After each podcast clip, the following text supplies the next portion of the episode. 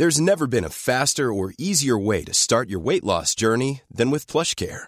PlushCare accepts most insurance plans and gives you online access to board-certified physicians who can prescribe FDA-approved weight loss medications like Wigovi and Zepbound for those who qualify. Take charge of your health and speak with a board-certified physician about a weight loss plan that's right for you.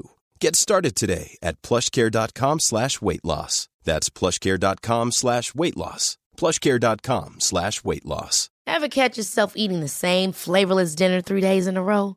Dreaming of something better? Well, HelloFresh is your guilt-free dream come true, baby. It's me, Kiki Palmer. Let's wake up those taste buds with hot, juicy pecan-crusted chicken or garlic butter shrimp scampi. Mm. Hello Fresh. Stop dreaming of all the delicious possibilities and dig in at HelloFresh.com. Let's get this dinner party started. Quality sleep is essential. That's why the Sleep Number Smart Bed is designed for your ever evolving sleep needs. Need a bed that's firmer or softer on either side? Helps you sleep at a comfortable temperature? Sleep Number Smart Beds let you individualize your comfort so you sleep better together. JD Power ranks Sleep Number number 1 in customer satisfaction with mattresses purchased in-store. And now, save 50% on the Sleep Number limited edition Smart Bed for a limited time. For JD Power 2023 award information, visit jdpower.com/awards. Only at a Sleep Number store or sleepnumber.com. Veckans sponsor är Telia. Hos Telia samlar man mobil, bredband, IT-support, mobilväxel, allt som gör företagande enkelt. Och det är just det här att samla allt på ett ställe, att ha någon att vända sig till när det inte fungerar, det är Telia.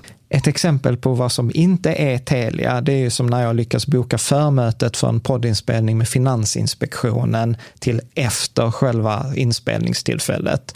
Eller när jag här, här året var liksom, fick för mig att jag skulle börja springa, så jag är liksom ute och springer taggad, träffar en kompis som säger så du Jan, på måndag ska jag springa ett lopp. Och jag känner så här, ja men det låter inspirerande, så jag käkar pasta, jag byter om, tar mig ner till Malmö stadion för att göra en efteranmälan, står där i kön och sen så när jag liksom anmäler mig så tittar de på mig och säger så här, du Jan, vårhuset är bara till för kvinnor. Och eh, det var, det var typisk en situation som inte är Telia. Oavsett, ett stort tack till Telia som sponsrar, gör Rika Tillsammans möjligt, men framför allt tack till dig som lyssnar, följer och eh, hänger med oss varje vecka. Det är en av de sakerna som jag uppskattar med ditt arbete, att driva opinion, att till exempel miljonärskatten inte kommer att drabba miljonärer, eller varför får man inte avsättning till tjänstepension efter man är 65? Du lyssnar på Rika Tillsammans-podden som handlar om allt som är roligt med privatekonomi. I den här podden får du varje vecka ta del av konkreta tips, råd, verktyg och inspiration för att ta ditt sparande och din privatekonomi till nästa nivå på ett enkelt sätt. Vi som gör den här podden heter Jan och Caroline Bolmesson. Idag är dags för avsnitt 226 och det är ett samarbete med SPP där vi har fått förmånen att eh, bjuda in Shukka Åman som är det SPPs sparekonom och som jag upplever gör ett jättebra jobb i att vara i media och driva mycket så här frågor kring pension, eh, kring till exempel när ISK-skatten var uppe för diskussion eh, och liksom andra sådana här vardagsekonomi. Ja, hon driver debatt. Frågor. Nej, men som till exempel saker som jag inte visste att efter 65 så får man inte avsättning till sin tjänstepension. Nej. Och eh, liksom eh, massa sådana eh, sådana saker. Att till exempel, ja men 3.12-reglerna som alltid pratar om ändras. Eh, liksom, ja, de kommer inte drabba dem. Miljonärskatten kommer inte drabba miljonärer. Nej. Eh, liksom och sådant. Men jag tyckte eh, liksom så här, det är roligt för på sistone så upplever jag att jag har fått väldigt mycket så här in my face, alltså så här, du vet, så här, kvinnligt och jämställt sparande. Ja. Både lite förra veckan Både med... privat och, Ja, men, och sen i poddar. och- Ja, men precis. så, men ja. i, i- förra veckan då med Elisabeth som är så här, "Ja, men jag brinner för kvinnligt sparande, fler kvinnor behöver spara. Sen pratade jag med, med en kompis som skulle liksom ta in kapital till en investering. Han var så här, jag ska bara ta in kvinnor denna runda. Jag bara, varför det? För jag har typ 93 procent män. Och jag bara så här, men vad är grejen? Och så började jag nu titta, Avanza till exempel släppte en rapport här i liksom att eh, den genomsnittliga kvinnan sparar 77 procent av vad männen sparar att när en kvinna eh, liksom får en halv miljon mindre i pengar över en livstid till följd av varje barn. Mm. Eh, en, när jag gjorde research inför dagens avsnitt med, eh, med Shuka då, så såg jag en intervju där hon var med Annika Strandhäll, mm. eh, som satt i regeringen för, förut, som säger att liksom en, en genomsnittlig kvinna tjänar tre, eller får 3,2 miljoner kronor mindre i, i pengar över en livstid. Ja, och jag vet det jag, är lite så sjukt faktiskt. Ja, och jag vet inte om jag kommer bli kallad för pappafeminist eh, nu här med, i och med att vi har två döttrar. Men jag inser liksom så här plötsligt att fan, detta är en viktig fråga. Ja, så det är varannan person. Man kan ju undra så, jag är man, jag sitter här och lyssnar på detta, varför ska jag bry mig om kvinnligt sparande ja. eller spargapet? Men ja. det är ju för att du har säkert kvinnor i din omgivning som ja. du bryr dig om och som kanske skulle ha nytta av den här informationen. Jag, jag tror i alla fall varje man har åtminstone en mamma. ja, exakt. ja, ja. Så, att, eh, så att dagens avsnitt blir, kommer vara lite, lite allmänt. Vi kommer att breda ut över ganska många ämnen. Eh, mm. Allt från liksom pensioner eh, till, till dock till de här ISK, höjd ISK, skattedebatten, Eh, etc. Men alltså, jag är ju så att inget avsnitt är ju fullkomligt utan lite nörderi. Nej, så, det, så att, det blir ordentligt med nörderi, men ändå ja. på en nivå som jag, tyck, jag tyckte det var ja. intressant. Ja, men det är mm. så här, bakgrund, för när, när jag, liksom, jag visste att eh, Shuka är mycket engagerad i pension, så jag var så här, jag måste läsa på lite om pension. Så jag var inne på Pensionsmyndighetens hemsida och så hittade jag en, en, en Alltså den är från 2016, så att den är inte superny, men en rapport som heter så här, Pensionsmyndighetens tumregler för pensionssparande. Ja. Och det är jätte, jag tyckte det var fantastiskt roligt. Det var faktiskt tack tips från Monica eh, mm. som var där, som var med i ett avsnitt för någon vecka sedan. Där man kan till exempel jämföra så här, hur borde man ligga till i sitt pensionssparande jämfört med folk i ens egen ålder? Mm. Eh, och då har de gjort något sånt här typfall och så räknar de på den här liksom genomsnittssvensken som är genomsnittligt gammal, tjänar genomsnittlig, har genomsnittlig löneförhöjning. Så det är sån supermedelsvensson. Eh, och då kan man säga så här, ja men är du 40 år gammal, då ska du ha så många, eh, så många månaders, månadslöner i din eh, inkomstpension, så många månadslöner i din PPM, så många månadslöner i din tjänstepension. Mm. Så om, om du också är en sån som jag, som gillar att jämföra sig, så i beskrivningen så finns det då en länk till eh, en forumtråd där vi då har sammanfattat detta och sen naturligtvis till rapporten. Mm. Och så är det sådana, du vet, alltså någon har ju nördat totalt, du vet så här, om en 23-åring, för de räknar på att typsvensken börjar pensionsspara när den är 23, säger så här, om du sparar 2,7 procent av din lön så får du 10 procent mer i pension. Ja, någon har nördat ja. ja så att jag, jag tyckte det var jättekul. Men det är väl, eh nivån blir högre ja. på överallt om man nördar överallt. Ja, men så är det. Mm. Så, att, eh, så att jag hoppas att du kommer gilla det här avsnittet med, eh, med SPP. Jag vet att vi fick in lite läsarfrågor också till Shuka, men flera var så här på personlig karaktär, så eh, SPP har och Shuka lovat att försöka svara i forumet på en del av de här frågorna som vi inte fick med i avsnittet. Så att gå gärna in också i länken, beskrivningen, både på forumet och ja, ja. så tänker jag... Så kommer man få svar. Ja, men precis. Mm. Men snyggt. Men jag tänker att eh, vi behöver väl inte prata vi så mycket mer, med utan nej. jättekul att vi fick ha med Shuka och här kommer hon. Jo, en grej till. Vi, kommer, vi gjorde ju, eh, kom ju ner till Malmö, så mm. att vi passar på att göra ett bonusavsnitt också som, som publiceras i samband med detta, som handlar lite om, om barnsparande eh, och eh, lite vi pratar om hur vi sparar till våra barn, hur vi själva gjorde när vi var små. Och sånt, så att, ja, men det är lite ball. Så att du får lite bonus denna veckan också. Snyggt! Då, här kommer Shuka. Varmt välkommen Shukka Åman. Du är ju ekonom med lång bakgrund från bland annat SEB och Nordea, där du jobbat med ekonomisk rådgivning. Eh, idag arbetar du som sparekonom på pensionsbolaget SPP. Eh, du har skrivit flera böcker om ekonomi, driver rätt mycket debatt i media om bland annat pensionsfrågor, jämlikt eh, sparande och andra ekonomiska händelser som påverkar oss privatpersoner. Och jag har sett att nu på sistone så är det dessutom att du bloggar på shukaarman.femina där man kan följa dig lite på daglig basis. Så varmt välkommen! Tack, kul att vara här. Vill du lägga till någonting? Nej, men jag tror att du täckte det ganska bra. Ja, men vad, vad kul. Men du, jag blir ju så här nyfiken så här, när man har eh, eh, liksom läst om dig på nätet, så här, att eh, jag tror att du skrev själv, tror jag det var på Femina, du skrev så här att ja, men efter många år inom en mansdominerad finansbransch valde jag att skifta fokus från rådgivning till att kommunicera och arbeta som sparekonom. Det är inte så vanligt det där skiftet. Eh, hur kommer det sig att du ville göra det? Nej, men där, när, när man läser upp det så, så låter det som ett väldigt medvetet skifte och såklart att det inte alltid är så. Jag tror att det handlar om eh, en längre tid av viljan att jag har alltid älskat det jag har arbetat med. Mm. Eh, oavsett om liksom, till en början där jag hade ett bredare mm, liksom, kundgrupp där man kunde både prata försäkringar, bolån och såklart jättemycket sparande och pensioner också. Men sen smalades det ju av till liksom mer det som är kapitalförvaltning och mer rådgivning mm. kring sparande och pensioner. Eh, och gillade det, men kände också att det kanske inte är främst de här ganska mm, förmögna personerna som sitter hos mig med både ganska bra kompetens men också rätt mycket kapital som faktiskt har det största behovet av den här kunskapen som vi har.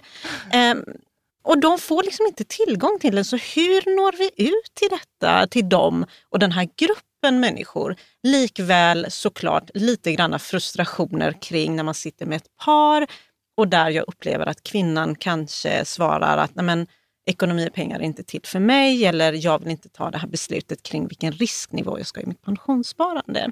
Så det bidrog egentligen till att jag parallellt med mitt arbete började skriva en bok tillsammans med en advokat. Mm. Eh, och sen började föreläsa om mer kommunicera. Så att liksom använda den här erfarenheten man har byggt upp snart över 16-17 år till att faktiskt nå ut till alla. Att mm. eh, någonstans göra det mer eh, kommersiellt, eh, sexigt, jag vet inte, mer lättillgängligt. Eh, med ekonomi helt enkelt, ja. privatekonomi och hur man, ja. vilka beslut man kan ta. Och... Allt ifrån ja. beslutstagandet, vilket jag tycker också är... Eh, nu pratar ju, om man tittar idag hos bankerna till exempel, så pratar ju var och varannan bank idag om beteendeekonomi och nudging. Eh, när jag liksom skrev min uppsats för många, många år sedan på Handel så skrev om finansiella kriser och till exempel flockbeteendet. Det var ju första gången man kom i kontakt med beteendeekonomi. Och under många, många år upplevde jag att det saknades i vår rådgivning, i vår kommunikation, i när vi pratar om risktagande, men också generellt när det kommer som du säger till beslutstagande ekonomi. Vi saknade, eller jag saknade psykologin bakom men ekonomiska beslut. Men är inte det liksom lite klassiskt? Jag kan tänka mig att det har förändrats mycket under de åren som du har jobbat. Men, men eh, det, det är ju siffror. Ja. Så det är ja, logiskt, man ska inte blanda in känslor. Det har vi ju börjat göra nu och det är ju framgångsrikt. Ju. Ja. Därför det att vi tar ju alltid beslut med känslor. Ja. Precis, och jag tycker det är lite, du nämnde Femine där, jag började skriva där också, eh, fortfarande är ju fokus att jag är ekonomibloggare hos dem och ska skriva kröniker och så. Och där är också tanken att liksom lite grann ta bort den här edgen, att ekonomi och pengar är inte bara siffror och grafer, utan mm. du kan faktiskt lära dig andra moment i detta som faktiskt är till lika stor hjälp i, oavsett om det är ditt vardagliga beslutstagande när det kommer till konsumtion, men också faktiskt när det kommer typ till analys av eh, vilka aktier du ska välja eller hur du agerar på aktiemarknaden, helt enkelt börspsykologin. Mm. Eh, och sen föreläser jag ju en del kring det här med nudging och hur du applicerar det på, i organisationer. Och liksom kan man nudga sig själv? Man kan Mot faktiskt nudga sig själv. Vi har ju viljan och liksom det i oss. Så det är ju det här gapet mellan det som vi vill och att faktiskt aktivt göra det som vi behöver fylla igen. Mm. Men, men jag, jag, jag tycker det, detta är så, superspännande. Vi ska, egentligen, vi ska strax prata om pension. Absolut. Eh, men jag tänker så här, vad är, vad är det vanligaste misstaget du upplever att människor gör? De liksom vanliga människor du träffar eller som du träffade under de här 15 åren som rådgivare? Det är klart att det finns flera misstag eh, de gör, men det som liksom någonstans berörde mig mest, det är risktagandet. Jag tycker fortfarande vi pratar extremt lite om risk. Mm. Eh, och också hur vi skiftar i vad vi anser är risk och hur vi skiftar i vår risktolerans lite beroende på väder och vind. Och såklart när jag säger väder och vind så menar jag hur börsen går och hur mm. rubriksättningen är i liksom, eh, den situationen och det läget.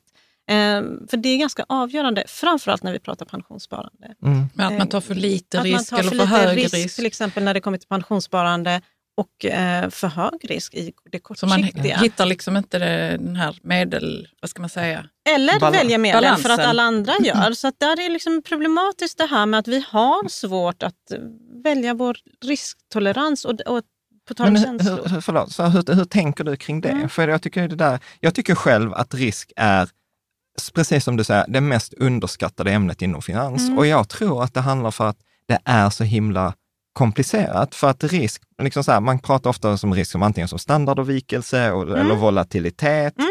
Sen kommer man i den här med KID-skalan 1 till 7 och sen, in, sen är ju den baserad på liksom de senaste tre årens historik, vilket gör den helt sned. Alltså, mm. hur, hur, Också svårt att fatta om man inte är insatt riktigt i, i Ja, precis. Här, ska du välja just två av sju eller tre av sju och folk har ingen aning? Nej. Knappt jag själv. Eller så ska man svara på så frågor som till exempel mm. finna så här, eh, börsen går upp så här, vad är sannolikheten för att, alltså du vet så här, man känner att jag... Fan, jag, känslorna jag missade, jag missade mattelektionen ja. i skolan. Mm. Hur, hur, hur tänker du kring risk? Eller vad, vad, är, vad är din syn på Nej, Men jag håller med dig, underskattad. Man ska prata mer risk. Eh, risk kan vara så otroligt olika. För det är också det här när vi pratar känslor, när vi pratar beteendeekonomi. Vad du anser, din upplevelse kring risk har jättemycket att göra med din tidigare, dina tidigare erfarenheter mm. kring pengar och risk. Eh, jag har suttit med mm, äldre personer som vid ett tillfälle köpte en aktie, folkaktien, förlorade massor med pengar, aldrig mer vågade ta risk. Mm. Knappt i en eh, räntefond. Liksom. Eh, är det klokt? Är det liksom smart beslutstagande? Det är det ju inte, men deras erfarenhet blev så starkt förknippat med någonting negativt.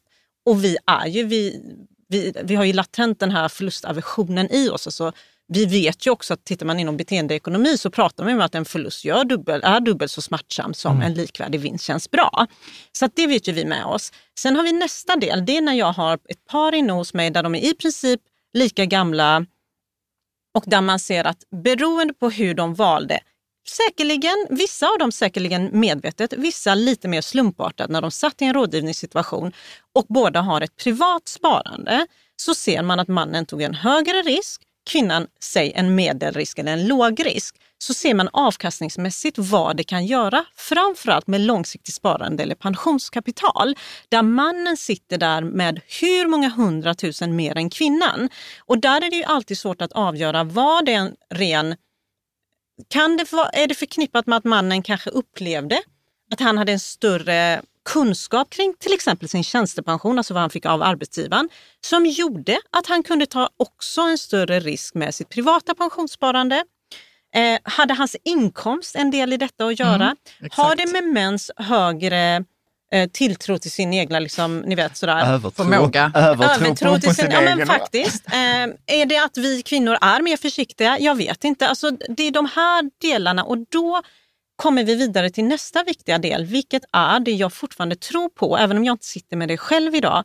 Rådgivning. Idag är vi så enormt starkt ute efter att prissätta att man glömmer av en viktig parameter i detta. Att om du sitter och samtalar med en person eh, en kvart, 20 minuter, en timme, ser helheten i deras ekonomi, det är klart att du har en större möjlighet att leda och hjälpa den här individen att välja rätt risknivå än om du sitter idag, i dagens, fortfarande väldigt bra, det är inte det jag menar, men där du faktiskt sitter till exempel och ska börja månadsspara i en app, en sparapp eller en sparrobot och där du väljer låg, medel eller hög risk. Sen svarar du även där på ett antal såklart frågor kring din privatekonomi totalt. Men det finns ju nyanser som en, du kan, en person kan möta mm. upp en rådgivare som du kanske inte fullt ut kan göra i ett sådant sammanhang. När man börjar bolla kring mm. vad är risk för dig och vad är skillnaden? För det är också så här, vi har ju mentala fack, vi delar ju upp våra pengar i olika, vi värderar ju dem olika.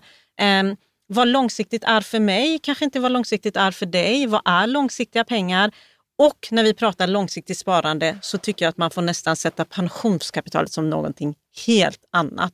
För där pratar vi både såklart avgiftsmässigt att du gör enorma summor, men också faktiskt att välja en låg eller medelrisk eh, gör också jättemycket pengar över tid. Jag tycker tid. det är så diffust det här med risk faktiskt. Det är mm. diffust och det är därför vi behöver prata mer kring risk. För det är egentligen inte så diffust, för du kan mäta det i de här termerna vi pratar det, Men det är också som du säger, vad, vad har man för erfarenhet? Nej. Om man har en erfarenhet av att nej, men jag tog för hög risk vid tillfälle, så vill man ju balansera det sen.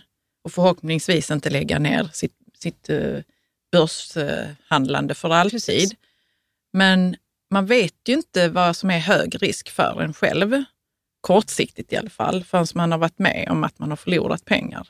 Det, måste, det tycker Och då är du, du också, inne på en väl, jätteintressant eller? grej. Eh, tänk senaste åren. Tänk den generationen som nu är vana vid den uppgång vi har haft på aktiemarknaden. uppgång. Ja men precis, där du i princip, om du inte har liksom spekulerat utan faktiskt investerat, har haft en uppgång som du har haft. Ja, och värsta kraschen var över på tre veckor. Och värsta tre kraschen månader. var den värsta kraschen men absolut den kortaste också. Ja. Så det är klart att du är inne på helt rätt linje där. Eh, att det är klart att delvis så kommer det med erfarenhet. Del, för det är också så här, vi pratar extremt mycket idag om Ehm, att vi ska utbilda tidigare i skolan kring ekonomi. Det tror jag också på, jag förespråkar det också. Men så länge du inte provar dig fram, utsätts för risk, för prova din egen risktolerans, eh, så vet du inte vad risk är. Du kan inte känna känslan. Du kan inte avgöra hur du reagerar när börsen faller med si och så många procent för femte dagen andra veckan, eller som nu där vi ser den här volatiliteten och börs, ja, men rörligheten på marknaden som vi ser idag. Hur du kommer att reagera är väldigt svårt att veta i Då förväg. måste man vara okej okay med att det ingår i spelet att man förlorar pengar när man testar sig fram. Ju.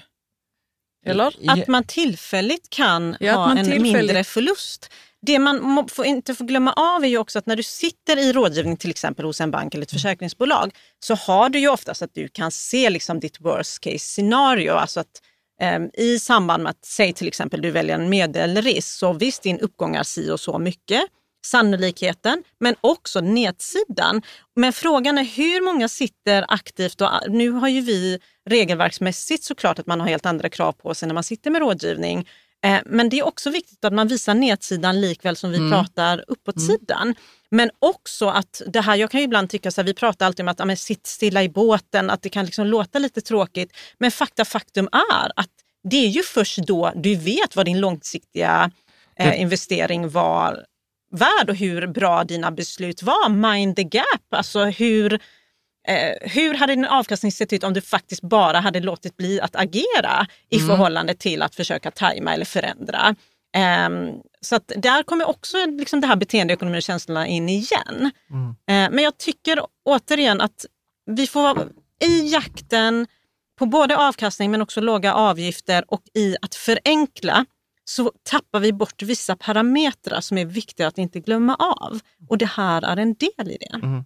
Nej, men jag håller med. Jag tycker ju så här, jag har också, precis som du, investerat väldigt länge och min, min tydliga upplevelse är att folk har antingen för låg risk, alltså jag brukar tänka på min mamma som är så här, det är allt på sparkonto, eller så har folk för hög risk. Alltså då, mm. då är det typ att allt är, liksom. allt är spekulationsaktier, mm. krypto eller liksom så att det, man är ofta i extremerna. Och vi har ju i många år försökt liksom folk, men du, vet, så här, du vet, hamna mer i mitten så att du kan unna dig liksom ta hög risk, mm. spekulera, mm. Men ha också pengar som du brukar säga så här, så att du kan sova gott om natten. För eh, kan du inte sova på natten så är det för dyrt. Mm. Liksom. Ja men precis, du betalar ju ett värde, alltså det, ja. du offrar ju någonting och liksom ja. sådär. Sen är det också en viktig parameter i detta är ju också att min risktolerans kan ju ändra sig med tiden. Mm. Mm. och inte samma som andras. Och inte man kan ju inte jämföra andras. sig heller. Nej. Och den var Nej. inte särskilt hög när jag var 20 och liksom jobba på telefonbank och tjäna hur mycket pengar som helst. Eh, för jag jobbar kvällar och nätter och hade i princip inga utgifter. Då, spel, då kunde jag ta hur hög risk som helst. Delvis för att man inte var lika erfaren och kunskapsmässigt hade liksom förståelse för det. Delvis för att man inte var lika beroende av sina barn eller sina pengar. Idag har jag barn och familj. nej, nej, vi kör. Det är vi. Jo, men det är klart man har en annan tillvaro. Idag har jag liksom hus, bilar, barn, eh, liksom helt annan form av ansvar och kunskap och erfarenhet vilket gör att jag kanske inte med alla mina pengar är villig att ta samma typ av risk. Vad köpte du när du var 20? Kommer du ihåg? Ja, nej, jag köpte ju såklart, då jobbade jag på bank, det var ju väldigt mycket fonder. Men det var ju också på den tiden när hela, ni vet, alltså Östeuropa, Indien, hela ja. den marknaden, tillväxtmarknaden ja. kom till. Men den bästa affären jag gjorde då som ung var ju såklart Ericsson-affären som jag ändå gjorde rätt bra med mm. pengar på.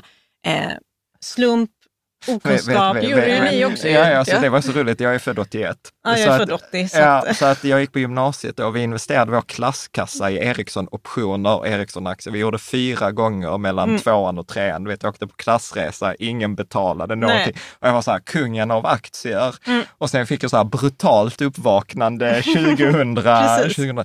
Men du, en, ett sidospår, ett sidospår, någonting som, som jag har funderat mm. på på sistone. För jag tänker att vi som har varit i gamet länge, mm. är ju så här, nej men alltså den, den uppgången vi har haft de senaste åren är extrem. Det är inte normalt att en krasch är återhämtad på tre månader mm. eller över på tre mm. veckor. Det är inte det bästa att du ska snitta ner dig, åh nu har börsen kraschat 10-20 procent, nu ska du all in för den kommer att vända. Mm. Och då, då försöker jag ibland rädda människor. Alltså mm. står du och påpekar för dem att du vet, så här, mm, detta är inte så smart. Men samtidigt så inser jag så här att när vi började spara, så du vet, man pratar alltid om den första miljonen. Vår mm. första miljon var en miljon back. Liksom, vi gjorde nog varenda misstag i boken. Mm. Och, och, då tänker jag så här, ja, fast de misstagen gav oss erfarenheter som gör att vi har den liksom, erfarenheten och det ekonomiska resultatet idag. Mm.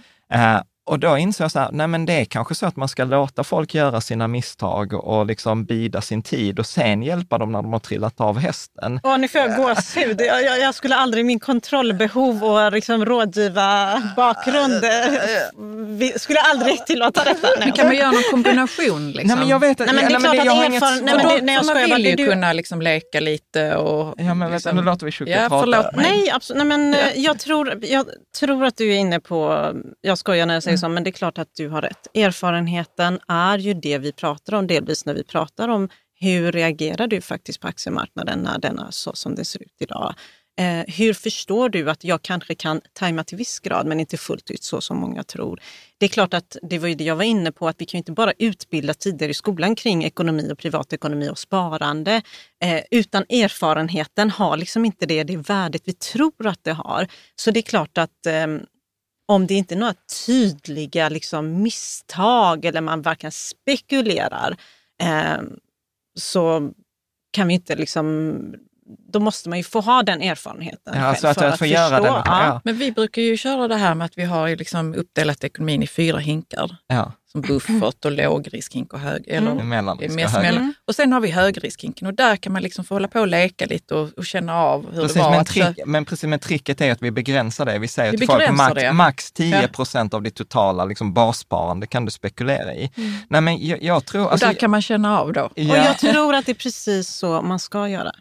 Mm. Det, jag tror att um, det är det man behöver, liksom, om du säger ja, men rädda folk eller inte, då är det bättre att man lär ut just det här. Att det finns det här jättelångsiktiga, säg pensionssparandet. Mm. Det finns det här spekulativa som du kan lära dig, som du kan prova dig fram. Mm, som, är eh, som kul, du liksom. inte heller mm. påverkas av, alltså som, den, ja. som du kan bara blunda inför. Ja, Nej, men jag, jag tror precis, för jag, för jag tänkte, vi kanske ska prata eller komma in på det sen med barnsbarn, men att, att, för, att man måste få lov att göra sina misstag. Och jag kan ju liksom ibland, så här, sitta, jag får verkligen tänka på att sitta i händerna när man ser, du vet så här, eh, eh, liksom stor så här, kvällstidning ordnar så här, ja men häng med vår resa till miljonen och så är det, det så här, 22-åringar som ger tips och jag är så här bara... På TikTok? Ja, på TikTok eller finans, finansinsta. Men världen är ju bara och, och, och, så, så alltså, vi kan ju inte göra någonting nej, åt det riktigt. Och, och, är, och det är roliga, TikTok, precis. Och sen, men detta är roligt för det handlar allt, aldrig om någon annan, det handlar bara om mig själv. Ja. Så att, och, du vet, och det värsta jag vet är eh, att vi rekommenderar alltid indexfonder, brett sparande, liksom, det är jättesvårt att tajma marknaden, jättesvårt att göra en bättre analys än mm. andra. Uh, och, så, och så får man så här, Jan du är en gubbe, du kan, hade du, hade du liksom vågat släppa sargen och indexfonder så hade du också kunnat investera i aktier. Krypto. Ja, precis. Och så har du också så, tjänat pengar. Ja, och så är jag så bara, ah, okej. Okay. Men, ja, men jag tror att det finns, jag måste bara säga, ja. jag, har ju, jag känner ju lite som du ibland, uh. men så försöker jag att um, fokusera på liksom det vi fokuserar på, du vet med tänka framåt, vilket är tänka hållbarhet, tänka hur väljer vi bolag, så är det liksom det institutionella liksom tänket. Eh, jag tror att det finns en risk i eh, att ta till den typen av liksom, mentalitet där man köper de här börsraketerna, där mm. man eh, har en stor del av sitt sparande i krypto, där man återigen, vi får inte glömma av att marknaden har varit som den har varit senaste tiden. Eh, men de kan säkerligen också göra pengar i sån portfölj. Men jag ja. känner att om jag ska göra min portfölj, jag, jag är liksom av mer av den traditionella världen och jag tror nödvändigtvis inte heller, du nämnde någonting om att när aktiemarknaden har tappat så går man in och köper aktier då för att i dippen. Det gör jag också, men jag, jag, jag, köper ju inte hela marknaden. Jag tittar på vilka sektorer eller vilka specifika bolag jag tror kan eventuellt ha en uppgång inom kort eller en, en längre tid igen. Ja. Och det, är liksom, det men det kan man ju aldrig veta vara... vilka de är egentligen. Ja, men du kan ju ändå... Jo. Nej, men nej, jag nej, men jag menar inte, nej, men jag menar inte, ja, jag, alltså, jag kan veta. ju ändå, jag kan ju ändå ha tro, alltså jag kan ju fortfarande ha gjort så pass mycket analys kring ett bolag och ha så pass mycket förväntansbild om en framtida avkastning i ett bolag. Eh, sen kanske det inte är att jag går in med ett stort kapital och köper det bolaget som jag aldrig ändå hade tänkt köpa bara för att börsen har tappat. Men om jag mm. ändå är, eh, tror på bolagets avkastning så Ja. Kanske jag passar på om jag har pengar stående på ett konto ja. till exempel. Mm. Men nej, mm. jag tror inte heller att man kan tajma på det sättet. Mm. Om man inte är, det får vi inte heller glömma av, att det finns ju en liga som är traders. Och när du är det här kortsiktiga, vilket jag aldrig knappt får vara, för antingen har jag jobbat på bank och nu jobbar jag ja. i min roll får man, måste man ju behålla sitt innehav. Um, jag tror absolut att det finns de som kan daytrada och göra liksom affärer på de här rörelserna. De är, det är ganska liksom... få som lyckas med det ju... och de är inte så många, alltså vad heter det, långvariga. Nej, nej, de måste ha ett stort kapital framförallt för att det är ju med de här små marginalerna i så fall utan för stora risker som du vill ja. göra de pengarna. Och jag tror att du och jag har pratat om det vid något tillfälle att det är klart att det är skillnad om du har 10 000 eller om du har eh, massa miljoner att ja. Göra stora pengar på de här små ja. marginalerna. Alltså min, min upplevelse är ju från finansbranschen att ofta de som är stora institutioner som jobbar, tjänar pengar på trading är ju att sälj, de gör ju det Alltså, ofta tjänar de pengar på andra sätt än man tror. Mm, äh, att, och oftast äh, kanske man har en äh, annan typ av portfölj, alltså ja. man har fastigheter, man ja. har ränte. Alltså. Exakt, exakt. Men, men jag, tänk, jag tänker att vi, vi, ska, vi ska hoppa in i, i pension. Ja. Mm. Och det är alltså, det roliga, jag kom i kontakt med pension för typ, det var ja, 10, måste ha varit med om 10-15 år sedan. Och då var det genom en tweet eh, som är en som heter Per Penning, tror jag att han hette på... Kanske då du började intressera dig? Eller? Nej, men det var jag fick sån chock. Alltså du vet, ja. ibland behöver man så här få ett uppvaknande och då skrev han så här, ja, de flesta av oss kommer drabbas av 40-40-40 blåsningen. Och jag var så här, jag vet inte vad det är. Mm. Och så skrev han så i kommentar, jo, ja, de flesta av oss jobbar 40 timmar i veckan i 40 år för att sen leva på 40 procent av lönen. Och min reaktion blev så bara, nej, liksom, det låter ju skit, det skit, det låter skittråkigt. Ja. Nej, ja, det låter skitjobbigt. Eh, och sen så läste jag där, 2014 kom ju socialförvaltningens eh, så här, utredning så vi måste jobba, eh, jobba längre. Så att min upplevelse är att det är ju många som genuint känner en oro för sin pension. Va, vad tänker du liksom, eh, kring det? Från, för ni är ändå ett pensionsbolag, tänker jag. Ja, och eh, jag tycker pensioner är superintressanta. Jag tycker pensioner är superkomplext till viss mån, men ändå väldigt enkelt. Um, och jag upplever att vi behöver prata mer kring pensioner. För precis så som du säger, jag tror att majoriteten av de man möter har någon form av oro kring sin pension. Anledningen till det är ju att Många gånger när vi sitter och pratar pensioner så är det prognoser vi tittar på. Det är väldigt svårt. Det är så långt in i framtiden, återigen för att prata om det här med beteendeekonomi. Det är så extremt svårt för, att, för oss att både prioritera och föreställa oss så långt framåt. Men det handlar också om det här. Vad är sanningen? Hur ser pensionssystemet ut? Hur kommer vi få det den dagen vi blir pensionärer? Och hur vill jag leva den dagen jag går i pension? Mm. Det är så många ifs and buts. Samtidigt som vi liksom hela tiden matas på kring det här med egna ansvaret, vilket jag också förespråkar absolut, men det skapar ju den här oron. Så det enda man kan göra egentligen är att sätta sig in i hur pensionen, framförallt grundläggande, hur är pensionssystemet uppbyggt? Fråga dig om du skulle ta hit 10-15 personer och fråga dem eh, vad har du för bilförmåner via jobbet eller Eh, vad har du för eh, friskvårdspengar via bolaget? Det har de koll på. Vad har du, hur mycket sätter din arbetsgivare av till dig i tjänstepension? Har du en tjänstepension så tror inte de flesta kan svara på det. Mm. Eh, och det tycker jag är problematiskt. Mm. Eh, för då blir det också enklare att inte veta, kommer jag få ut 50% av min nuvarande inkomst den dagen jag blir pensionär eller kommer jag få 80 Är jag nöjd med 80% Vad är 80% Hur kommer mina utgifter se ut den dagen jag blir pensionär? Och sen har vi hela det som du var inne på, vilket är att riktåldern kommer ju höjas snart. Vi mm. ska mm. arbeta allt längre. Delvis för att vissa av oss vill, men också för att vi kommer att bli tvungna att göra det. Så det är liksom många faktorer runt omkring som påverkar. Att inte veta är det som gör det jobbigt. Ju. Så att man kanske vill sticka huvudet i sanden gällande sin pension. Ja, att vi prokrastinerar helt enkelt. Vi struntar i det. Det är så mycket annat här och nu som är så mycket mm, mer lockande. Nu, ja. Du är mm. mycket mer medveten om vad du får in i lön här och nu på kontot. Men vad arbetsgivaren har betalat in, sig till exempel till din tjänstepension, det har du inte koll på. Hur mycket du har tjänat genom att arbeta ett, eh, helt liv och vad som finns i den allmänna pensionen kanske du inte heller har så bra koll på. Men jag tänker eh, att det finns liksom en barriär kan man väl säga. Att man själv måste ta reda på saker. Mm. Och att det är det som gör att man liksom... Nej, men, nej, man kan, jag, nej, men, jag, men vänta lite. Att det man måste göra det lättare kanske också för människor att ta reda på de här sakerna. Jag tycker inte det är svårt att ta reda på de sakerna, men det är för att jag har Fast jag, fast jag liksom tror, Karolina, återigen, jag tror du tar det från det rationella hållet. Mm. Det känslomässiga här är så här, åh, det där kommer säkert vara dåligt, jag vill inte ens gå dit och titta och så skjuter ja, jag så på. Ja, så kommer man oroa sig helt i onödan. Det är ju där problematiken är. Nej, men jag tror att du har rätt och du har också rätt. Tack Shukla. Men jag har alltid rätt. Nej, men, nej, men så här är det. Jag tror att ni, ni, ni båda touchar någonting som är otroligt viktigt. Vi vill inte, absolut det är komplext, det är flera olika delar. Men det finns om man ska mer, göra det själv. Om man ska göra det själv. Ja. Men det finns ju mer och mer sätt faktiskt att få det här övergripande. För det är det, alltså det är väldigt, väldigt bra start. Du behöver inte bli pensionsnörd över en natt. Det, det är återigen de här extremerna vi pratar om. Första steget är kolla hos Pensionsmyndigheten. Vad, hur ser min prognos ut där? Eh, logga in på minpension.se och se din sammanfattning. Där kan du också skifta och se beroende på när jag går i pension, hur mycket jag får ut. Är jag nöjd med den här siffran? Ja. Hur ser det ut där? Mm. Eh, och hjälp mm. finns att få och det är egentligen det som jag försöker liksom väldigt mycket så här förespråka. Och senast i morse så var det någon på LinkedIn som hade skrivit till mig och som jag bara utifrån titeln och liksom hans bakgrund kunde säga att det här är ingen person som sannolikt behöver vara orolig för sin pension. Men han har liksom skrivit till mig ett antal gånger och känner sig jätteorolig över sin pension. Och då sa det, vet du vad, enklaste vägen, en informationsfullmakt. Informationsfullmakt innebär ju egentligen att jag får en överblick över vad du har sen innan.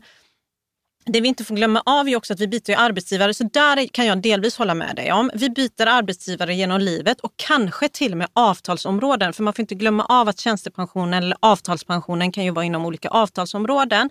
Och då gäller det olika Villkor. insättningar, olika för när du börjar tjäna in pengar.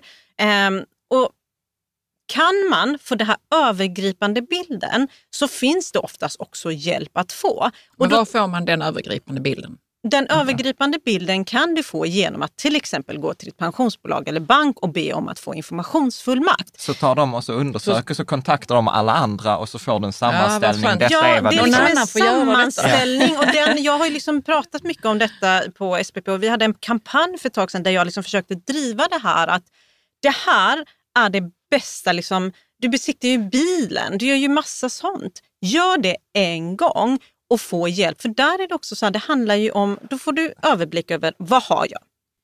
Du kan ju som sagt ha bytt arbetsgivare ett antal gånger. Då får du överblicken med vilka avtalsområden har jag?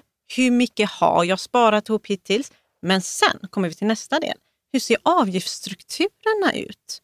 Vad sparar jag? Behöver jag? För där är ju, Vad tänker du med avgifts, mm. avgiftsstruktur? Mm, har jag mycket fasta? Ligger jag i gamla försäkringar där det finns fasta avgifter som idag inte finns på dagens nya försäkringar. Mm. Kan, man, kan man ehm. göra det? För det var en fråga jag vet JF Betsen hade på forumet, att mm. han satt fast i ett gammalt avtal där det var både kapitalavgift och premieavgift. Precis. Vilket var så här, kapitalavgift är att du betalar en, en avgift på hela ditt kapital, premie är att du betalar en avgift på den insättande premien mm. och sen har man ju avgifterna för, för fonderna. Fond, för, för fonderna.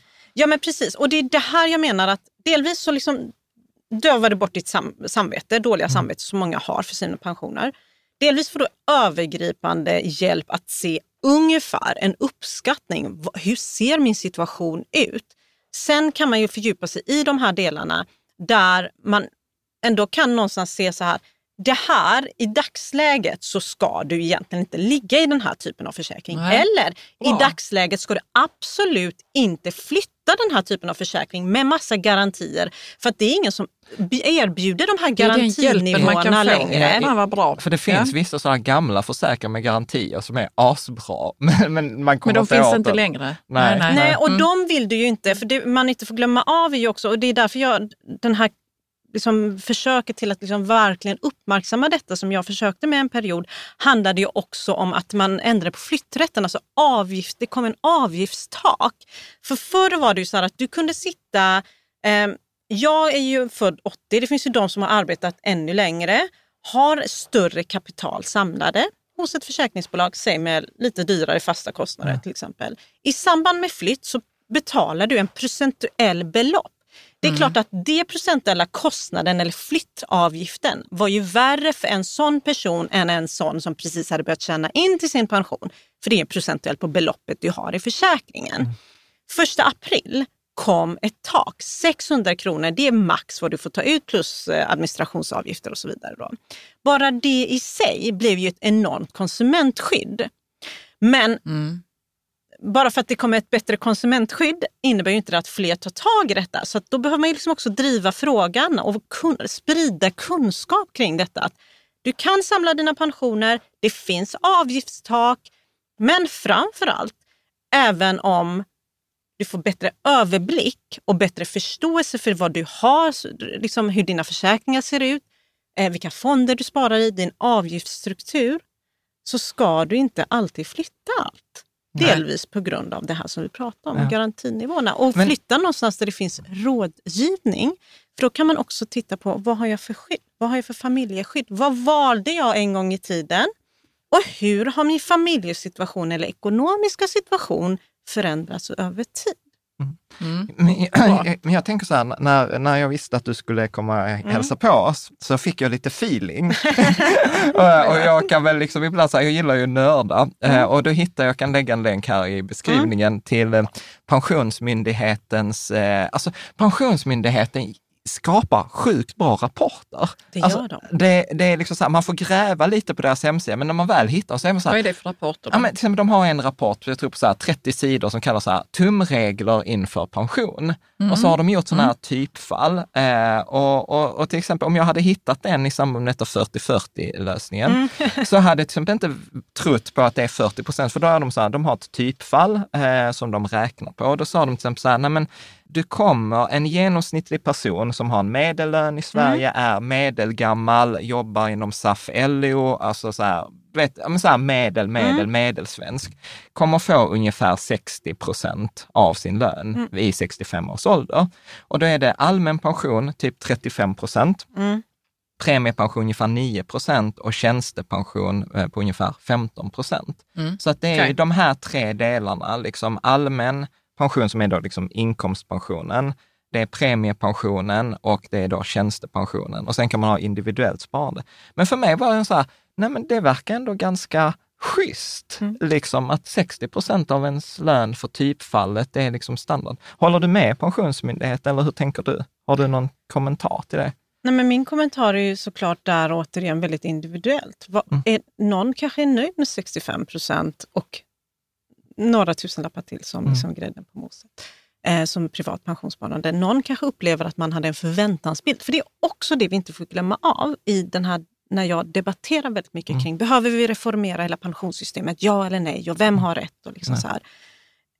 Det också handlar om vår förväntansbild. Kunskap, absolut, och förväntansbild. För ja. någon kanske 65 procent är jättebra. Eh, jag försöker ju förespråka det här för att liksom för förståelse för att okej, okay, du får den allmänna pensionen, den som du sa motsvarar så, så många procent. Eh, arbetsgivarens del blir allt viktigare och en allt större del. Framförallt, det får vi inte heller glömma av, de som slår i taket. För den allmänna pensionen är ju ännu mer beroende av den delen arbetsgivaren betalar in. Mm. Med tanke på att det finns ju ett stopp i den allmänna pensionen. Mm. Eh, så... Men förlåt, får jag bara göra ett mm. sidospår där? För det där tänker jag också på, att, för den, den maxar ju ut typ vid 42 000 mm. kronor i månaden. Mm. Och då ska man ändå säga att medellönen i Sverige är 36 000, mm. mm. medianen är 32. Så att ganska många hamnar, för att det upplever jag ibland att folk har kommit till mig och sagt, ah men Jan, jag loggar in på min pension och du vet den allmänna pensionen är typ så här 17 000. Och jag är så här, grattis, du har typ maxat den. Mm, jag, har nog inte, jag har nog inte träffat någon som har mer än 18 000 i allmän pension. För det går inte att ha mer precis. i allmän pension. Alltså äh, sparat eller nej, att man får den, ut det? Nej, nej i och med att den räknas som 16 procent av ja. din lön, sen ja. har du 2,5 procent mm. premiepension, så kan du inte få mer än typ 18 procent, eh, mer 18 än 18 000 kronor eller då de här 35 procenten. Ja av eh, din liksom slutlön i allmän pension. Men när man loggar in där och tänker shit, jag har 45 och så står det 18, så får man så bara, jag kommer att bli fattigpensionär. Så man blir lite lurad? Ja, men man Eller, blir, men då är minpension.se kanske bättre, för då får man ju liksom ja. även med... Jo, alla allt, allt står med, men, men, mm. men min poäng är att där står att din allmänna pension är 18 000, men mm. där står inte att max du kan få är 18 och 5. Nej, du menar att om man hade satt en referenspunkt, referenspunkt. så blir det ju enklare så att faktiskt jag, relatera till, ja. har jag en bra pension eller inte? Exakt, Absolut, är den allmänna delen bra? Exakt, exakt. Ja, ja, visst. Eh, och, och, och sen, sen tänkte jag också faktiskt en grej som de skrev eh, i den här rapporten, att om man sparar, för, om, för de utgick för en 23-åring, att mm. man börjar jobba som 23, om man sparar 2,7 procent av sin lön, mm. typ 800 kronor tror jag mm. var, så får man 10 procent extra i slutlön. Så det har mm. de räknat ut så här. Mm. Liksom. Och det var också så här, okej, okay, då kan du gå från 60 till 70 procent. Och vi pratar inte 10, jag brukar alltid tjata spara 10 procent av din lön. Mm. Det var så 2,7 procent. Ja.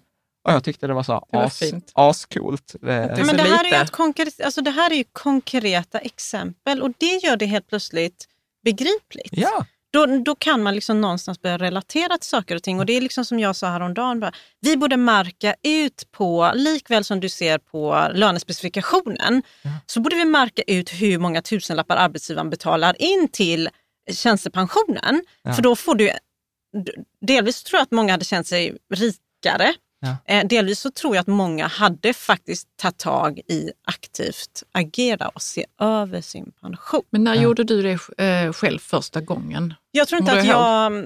Jag förstår hur du tänker. Ah, nej, men, alltså, nej, det var jag inte. Faktiskt inte. Nej, då hade jag hållit handen. Nej, men jag tror inte att jag... Jag börjar också förstå mer och mer när jag gör den här typen av intervjuer. Det är klart att jag inte är liksom referensen för hur dagens nej, unga nej, men man har ju sin men egen, jag jobbade ju på bank liksom, väldigt ja. tidigt såklart. Så jag var i kontakt med de här sakerna jättetidigt. Började pensionsspara jättetidigt privat. Jag jobbade på bank så jag kunde varje dag i princip logga in och se vad arbetsgivaren hade betalat. Alltså, så jag tror inte att um, jag är den traditionella personen att liksom utgå ifrån. Men det jag vet är att det var enklare såklart där och då, även om ens inkomster var lägre att sätta av den där extra tusenlapparna än kanske det är idag. Mm. Eller kanske inte idag, men säg för ett antal år sedan när man hade småbarns, eh, man var föräldraledig, eh, man kanske precis hade köpt sitt första eller andra hus och liksom utgifterna var markant större än när man var kanske bara två eller sådär. Och därför tror jag också att vi måste glömma av det här antingen eller vi måste anpassa saker och ting längs med livet. Mm. Både hur vi avsätter till tjänstepensioner eller till eh, det privata pensionssparandet. Eh, hur vi väljer att agera när det kommer till val av skydd och försäkringar. Hur vi väljer att spara. Allt sånt förändras mm. längs med livet. Mm. mm. Men det, någonting som jag har tänkt på, mm. eh, så, som jag inte har sett någon undersökning på, det är ju att, till exempel, för nu tänker jag så här, 60 procent av min lön och så tänker jag så här, ja men shit pommes frites, då kommer ju vi gå back. Men sen så tänker jag också så här, ja fast å andra sidan om 25 år när jag fyller 65, alltså då har vi förmodligen liksom amorterat ganska väsentligt på huset, barnen är förhoppningsvis eh, utflyttade. Alltså, att, Man har att, att hur, mycket, alltså, hur mycket sjunker, förstår, mm. alltså är 60 procent, liksom så här, är det, för det är det som blir så svårt. Ja, men det är att, frågan, man, är det bra? Är, precis, är det bra eller dåligt? Kommer det att täcka mm. liksom ens utgifter då? Mm, precis. Nej, men jag tror också att eh, det, det, vi inte får glömma av, jag måste bara säga, mm. vi var inne på vad händer när man behöver, alltså, jag måste bara säga, ja. taket i den allmänna pensionen. Ja. Eh, vi pratar om de som slår i taket men ja. att många svenskar inte gör det. Vi får inte glömma av det här med löneväxling. Det är en ja. viktig, viktig parameter att skicka till dem som ja. faktiskt tjänar över det taket. Eh, men för att svara på din fråga där, jag tror att det vi inte får glömma av är att alla äger inte ett hus. Ja. Alla har inte utöver sitt pensionssparande flera miljoner stående på ett konto man kan leva på. Och jag tror att det är lite naivt att tro att våra kostnader skulle man markant minska bara för att vi blir äldre. Visst, vi kanske har mindre kostnader kring våra barn. Men vi kanske unnar oss en finare bil eller inte. Vi kanske mm, inte alls lägger fokus på det materiella utan väljer att resa mer och lägga fokus på upplevelser, bli andra typer av val i livet. Mm. Eh, så att jag tror att där är också väldigt individuellt och liksom svårt att avgöra vad mm. som är tillräckligt. Mm. Men det måste ju vara tillräckligt och det är ju där liksom hela den här pensionsdebatten kommer. Det är inte frågan om man vill ha 80 procent eller 85 procent av sin lön utan att få runt 50-60 procent tycker majoriteten är för litet. Mm. Precis, jag, jag, tänk, jag tänker vi ska ta detta med lite med debatten, men får jag nörda en gång till? Absolut. Detta är sista så här, de, har en tumre, de, de, har en tumregel till. Pensionsmyndighetens ja, Pensionsmyndigheten, mm. de säger så här, 100 kronor högre månadsinkomst, mm. alltså lön, mm. eh, ger 1,6 kronor mer i månadspensionsutbetalning. Mm. Så då får man också en relation, okej okay, vad, vad blir det så här om jag höjer mm. eh, liksom lönen? Mm. Och blir det då i tio år, ja då blir det 16 kronor mer varje månad mm. resten mm. av livet. Mm. Och det tycker jag är ganska coolt. Alltså det låter ju jättelågt, en och sex, liksom att varje hundralapp mm. ger bara 1,6 kronor. Men om man då multiplicerar det med, ja, med 20 år, ja då är det 32 kronor i månaden varje månad livsvaret. Så mm. ganska, ganska coolt. Men du, jag, jag tänker så här, du skrev en debattartikel på realtid. Detta är så här, jag hatar sånt här själv i intervjuer. Det är så här, du man ska, har sagt en gång i tiden. Liksom. Men vi testar. Då skrev du så här, Re regeringen erkänner i sin budget att pensionssystemet är underfinansierat. Eh, budgetens finansplan skriver att regeringen att ålderspensionssystemet förväntas ett avgiftsunderskott under prognosperioden, det vill säga att avgiftsinkomsterna väntas vara lägre än pensionsutbetalningarna. Eh, alltså så här, behöver man oroa sig? För att så här, tjänstepensionen och premiepensionen, det är ju pengar som finns, som är insatta på fonderade på ett konto. Medan den allmänna pensionen är ju inte det. Det är ju inte pengar, så det är en skuld som staten har till mig. Eh, liksom, behöver jag liksom oroa mig för det här? Eller vad tänker du? Men jag debatterar ju såklart jättemycket kring pensioner och jag tycker inte alls eh, det vi har pratat om är nördigt utan jag älskar ju Nej. de här frågorna såklart jättemycket. Eh, nej, men jag tror också att det är viktigt att vi, och det är det jag försöker göra både när jag skriver i realtid och DN och Svenska Dagbladet där jag debatterar just på samma tema väldigt mycket. Jag tror inte att vi behöver vara oroliga på det sättet. Det finns delvis bromsar i systemen och så länge vi fortsätter arbeta och liksom så, så rullar den delen på. Det är ändå robust i grunden. Det som blir problematiskt är egentligen det som vi har pratat om hittills. Delvis att det är klart att vi behöver höja nivåerna för de som har det sämst. Det är ju, mm. där, det, är det som egentligen detta handlar om och liksom förslagen i budgeten handlar ju väldigt mycket om att skydda de med lägsta pensioner, bibehålla fortfarande det här avståndet så att det fortfarande är lönsamt att arbeta än att inte arbeta. Det är också en sån här eh, fråga. Eh, garantinivåerna det är det debatten handlar om. För de som har det sämst, det är liksom där framförallt som debatten och liksom de politiska förändringar och förslagen som har varit har handlat om.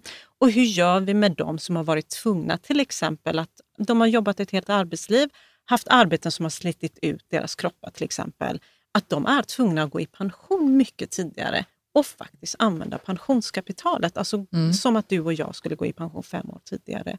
Eh, och det är klart, börjar du använda ditt pensionskapital tidigare så får ju du sämre pension.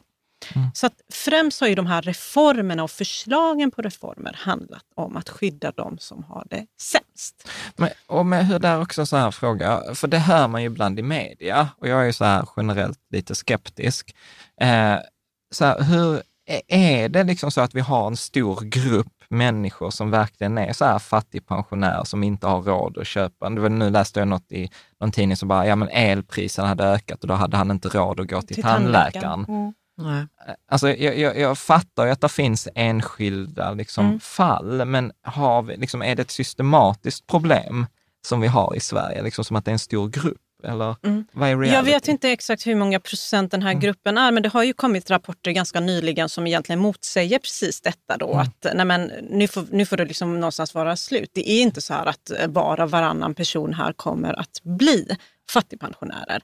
Med det sagt, vi får inte glömma av att det är illa nog att, att det finns det. Ja, ja. den nivån. Och liksom, nu har, har, jag inte med mig exakta siffran, men att eh, en kvinnlig pensionär kan faktiskt ligga på jättelåga nivåer och sådär.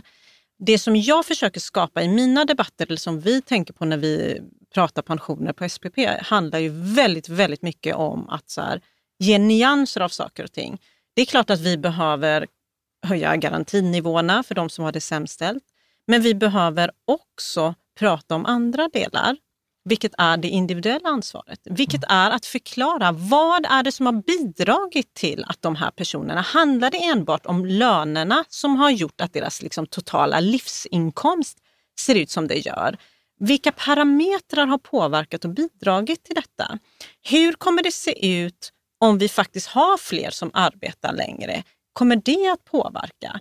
Men också, vi var inne tidigare på det här förväntansbilden vad vi förmedlar utåt, alltså det är klart att om folk har gått ett helt liv, arbetat inom vården till exempel.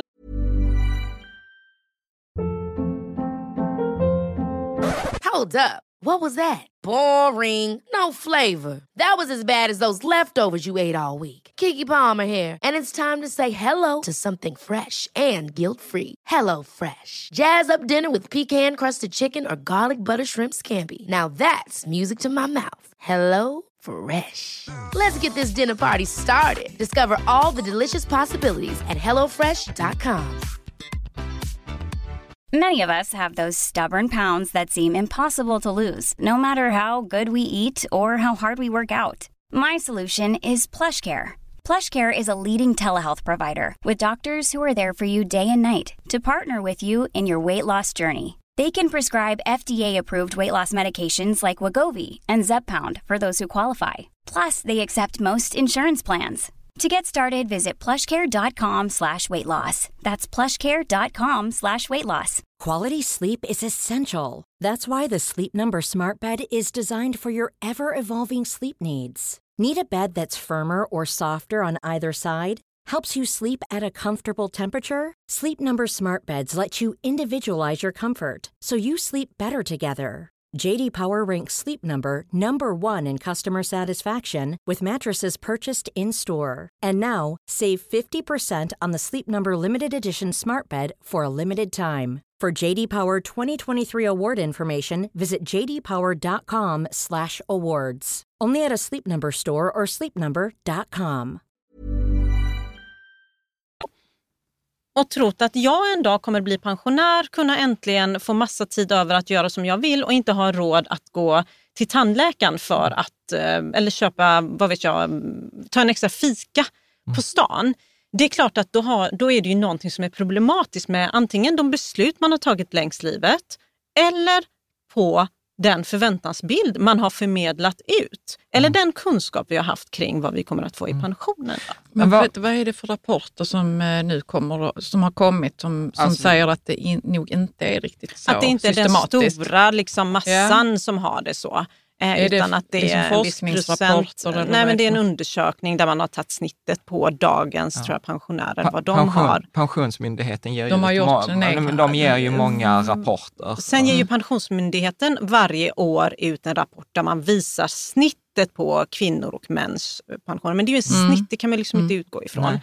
Men det, det jag försöker liksom någonstans i debatten prata om handlar ju väldigt mycket om, okej, okay, allmänna pensionssystemet, fine, så här ser det ut. Absolut, det finns vissa saker man kan göra där. Men vi får inte glömma av hela att pensionssystemet består ju, eller pensionerna består ju faktiskt fortfarande av tre delar. Och arbetsgivarens del är en viktig del i detta. Och blir viktigare och viktigare. Och, det, exakt, och blir, tar en allt större plats i din totala pension. Och såklart det individuella ansvaret. Jag säger inte att alla har möjlighet att ta det individuella ansvaret och pensionsspara.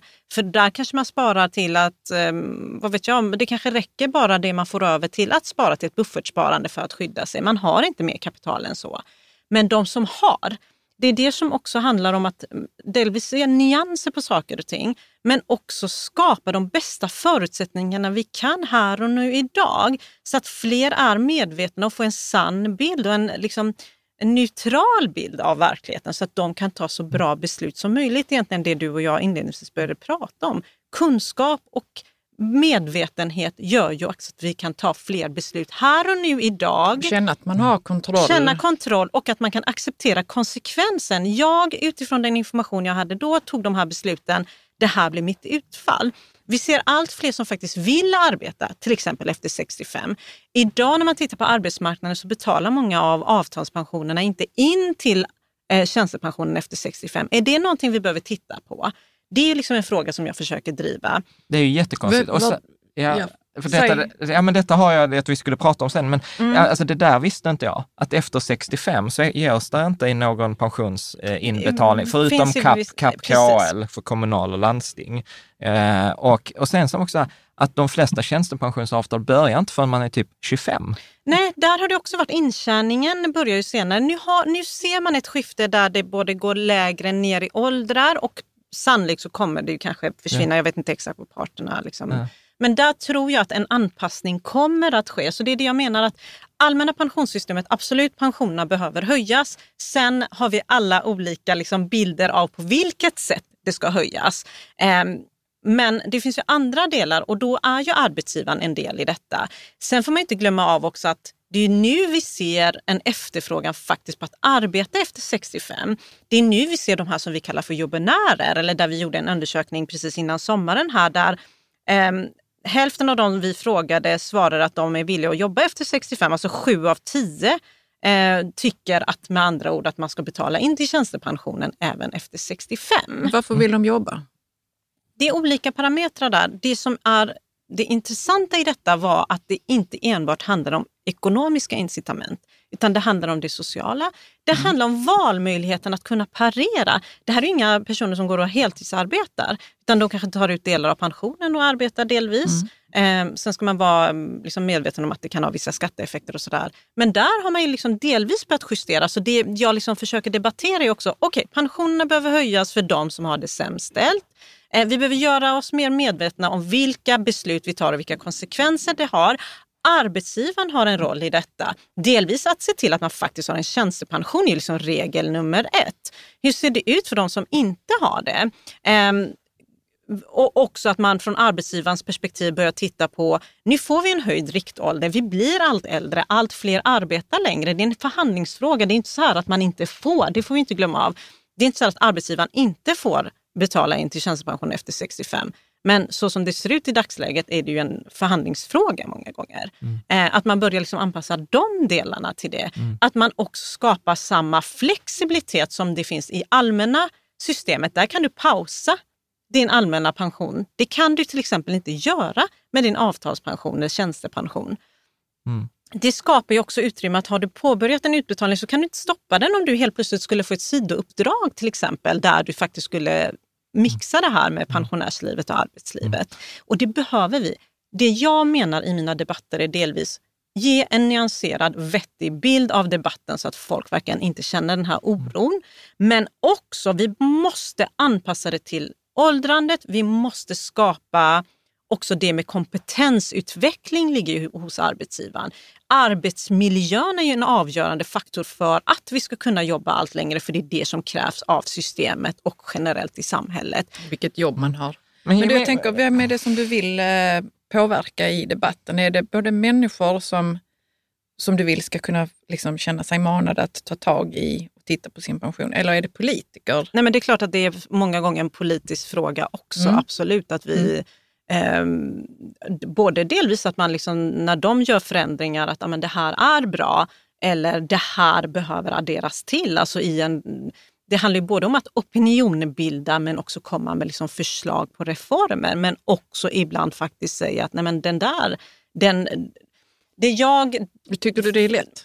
Nej, men det, ja, men till viss del så tycker jag att man får ändå gehör. Framförallt nu är det ju valår och liksom, man pratar om att en stor andel av de som röstar kommer att vara eh, pensionärer eller de som är i den åldern.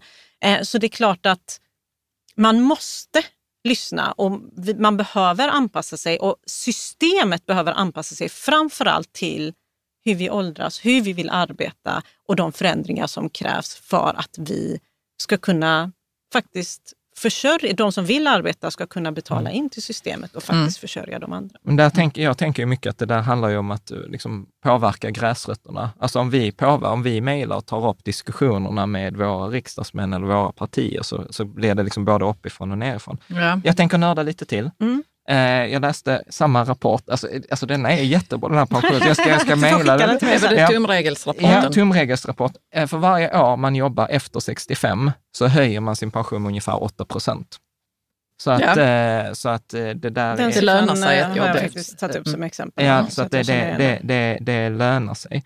Men jag tänker så här, om, om, vi, om du skulle sammanfatta så här, vad är en, för, för en, liksom en typperson, vad är en rimlig förväntansbild? För du återkommer ju till det hela tiden, så här, neutral eller förväntansbild. Vad, vad, liksom, vad ska man ha i ordning om vi skulle sammanfatta det? Och vad kan jag förvänta mig om jag, om jag gör det? Om jag har det i ordning? Om jag har det i ordning. Nej, men jag tror att det är väldigt olika vad du har har du tjänstepension? Har du inte tjänstepension? Ja, har du jag... deltidsarbetat? Vänta, inte vänta, vänta, deltidsarbetat? Vi, vi, vi, tar det. Så om jag är på ett ställe där jag inte får tjänstepension, mm. vad ska jag göra då? Mitt råd har innan varit så här, byt jobb.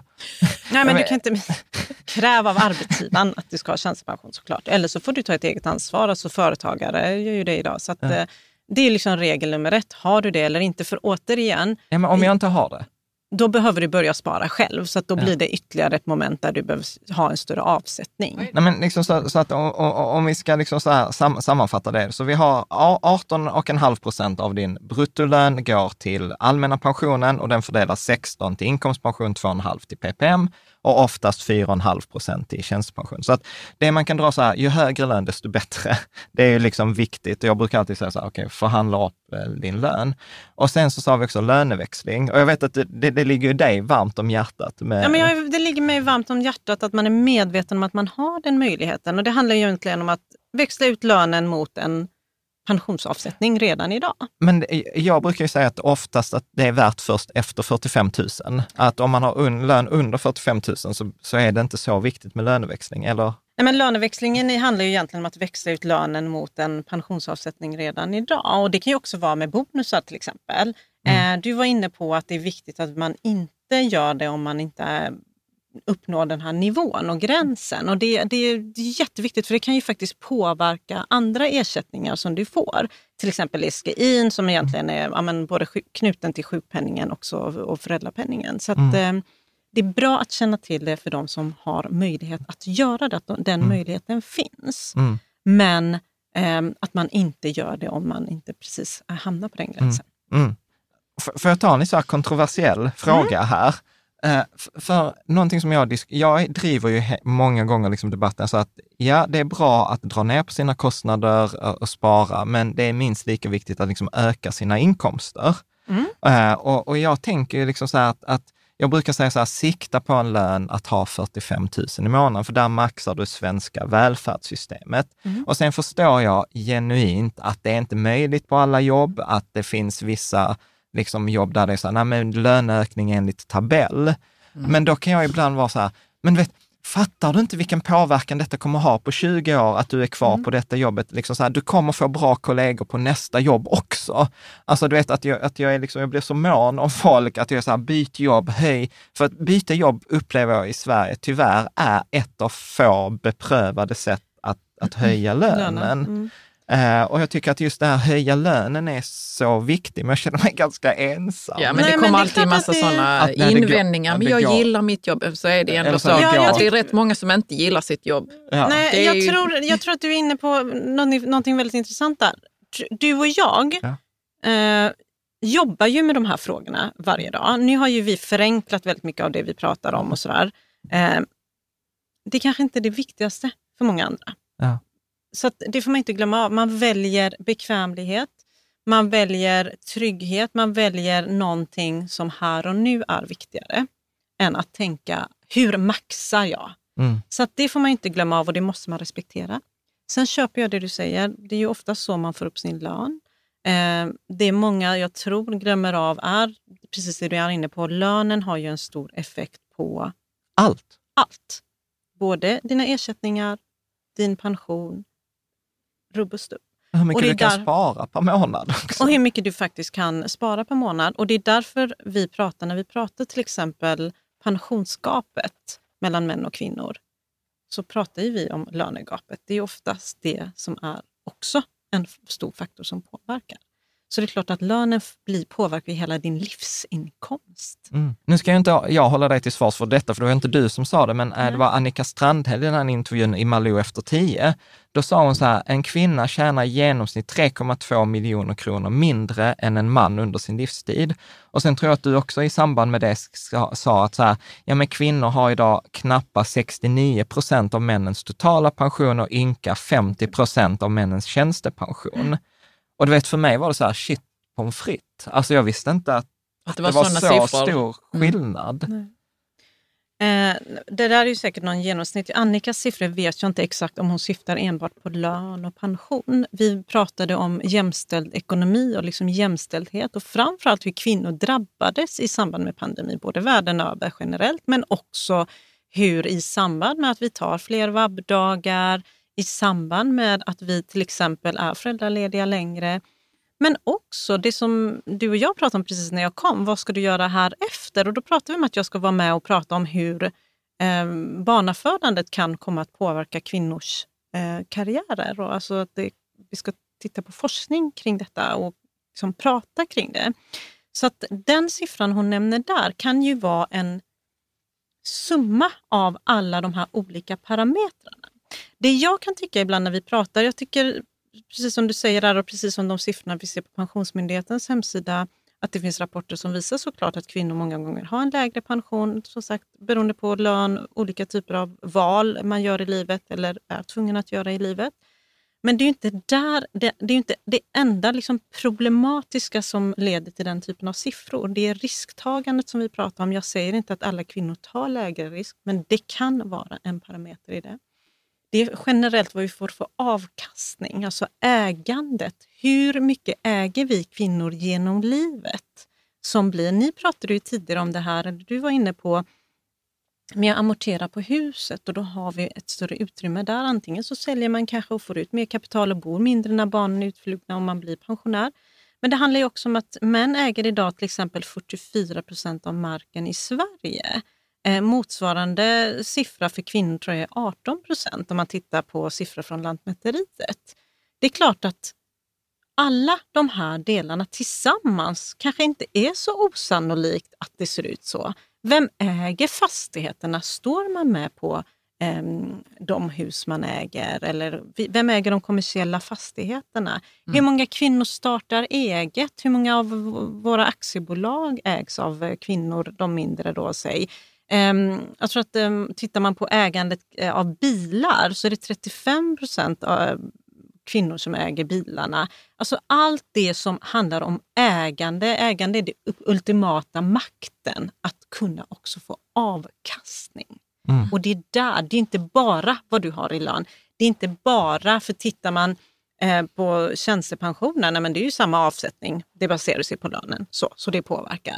Men det är allt det andra när man liksom sammanfattar de här delarna. Det är våra egna val, det är eh, hur vi kanske prioriterar många gånger och sen också hur vi faktiskt investerar, äger och vilken avkastning vi men, får på våra tillgångar. Men om jag kommer, för jag gillade det där, för det sa du eh, också, du, i, den, i samma intervjun så sa du så här, ta makten över sitt liv gör man genom sin ekonomi.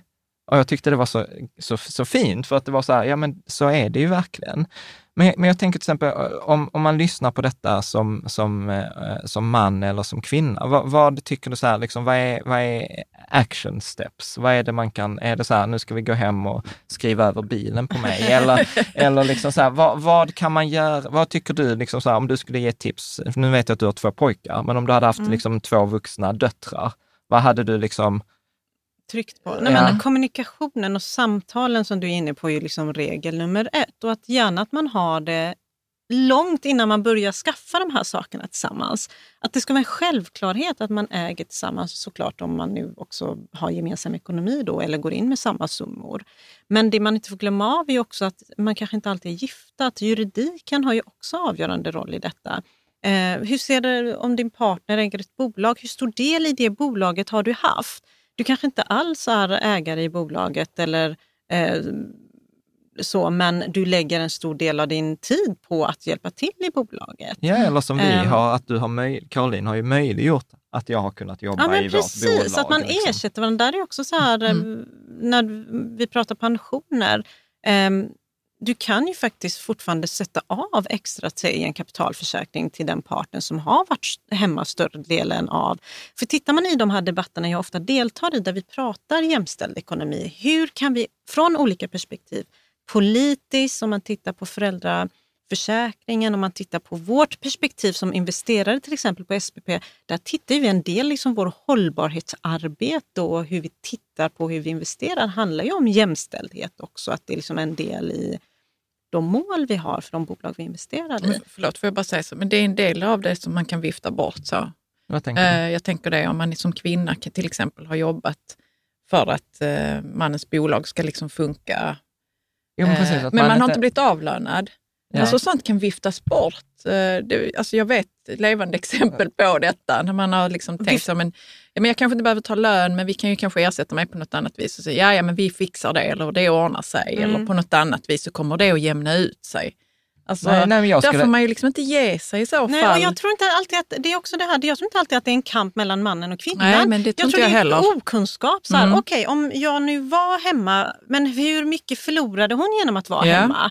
Vad, vad, är en rimlig siffra? Ha, om vi nu har råd att under den här tiden, säg kvinnan eller den andra parten mm. som, som är hemma, hur mycket behöver vi sätta av? Så jag tror inte nödvändigtvis alltid att det är en konflikt, det är bara att man inte vet bättre. Och det är de här samtalen som gör att det väcker en klocka. Hur gör vi då? Och jag tänker också så här, när vi pratar som sagt de här olika aspekterna, vi pratar näringsliv, vi pratar ur politiskt perspektiv, jag pratar ur mitt privata perspektiv och så har vi liksom SPP då som investerare som tänker på de här parametrarna, eh, både på arbetsplatsen, hur får vi våra Ehm, hur får vi en jämställd arbetsplats, inkluderande? Hur ger vi våra eh, anställda möjlighet att kunna parera sig familjelivet och de här delarna som vi faktiskt vet påverkar våra livsval och främst många gånger faktiskt kvinnors. Eh, att man försöker liksom tillgodose det för att möjliggöra heltidsarbetet eller eh, att man eh, faktiskt inte känner att man alltid måste vabba om man tycker att man kan jobba samtidigt. Alltså alla de här delarna. Alla de här små stegen har en inverkan och alla delar är minst lika viktiga. Så vi har liksom alla jobb att göra på olika plan.